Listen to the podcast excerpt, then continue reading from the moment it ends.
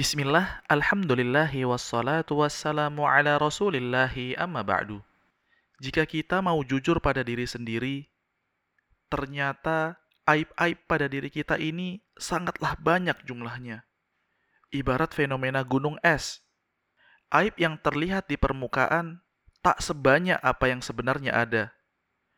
Aib kita yang berada di lapisan tak terlihat sungguh begitu luar biasa besar kita tentu lebih tahu siapa sebenarnya diri kita di belakang layar. Betapa banyak aib-aib tersembunyi yang manusia tak ketahui. Manusia mungkin tak pernah membayangkan jika kita melakukan dosa-dosa itu. Maka sungguh, Muhammad bin Wasi' rahimahullah pernah berkata, Seandainya dosa-dosa itu memiliki bau, maka tidak ada seorang pun yang akan mau duduk bersamaku.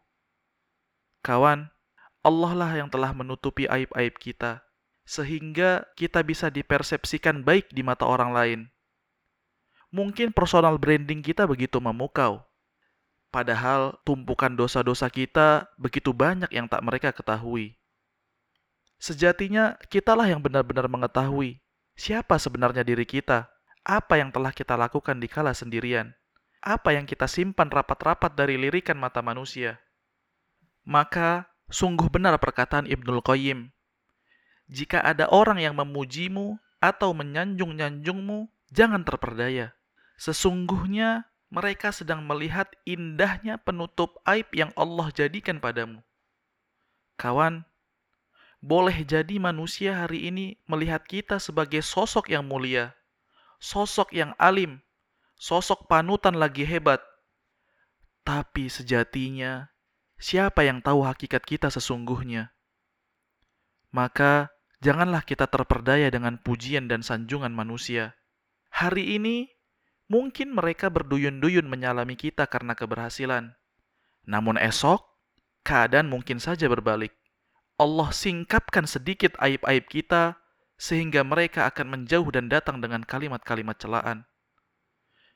Maka kawan, tangisilah dosa-dosa kita itu. Jangan sampai dosa-dosa yang tak terlihat oleh mata manusia itu justru menjadi penyebab diri kita dijebloskan ke dalam neraka. Karena yakinilah seyakin-yakinnya bahwasanya Allah Maha melihat atas segala sesuatu.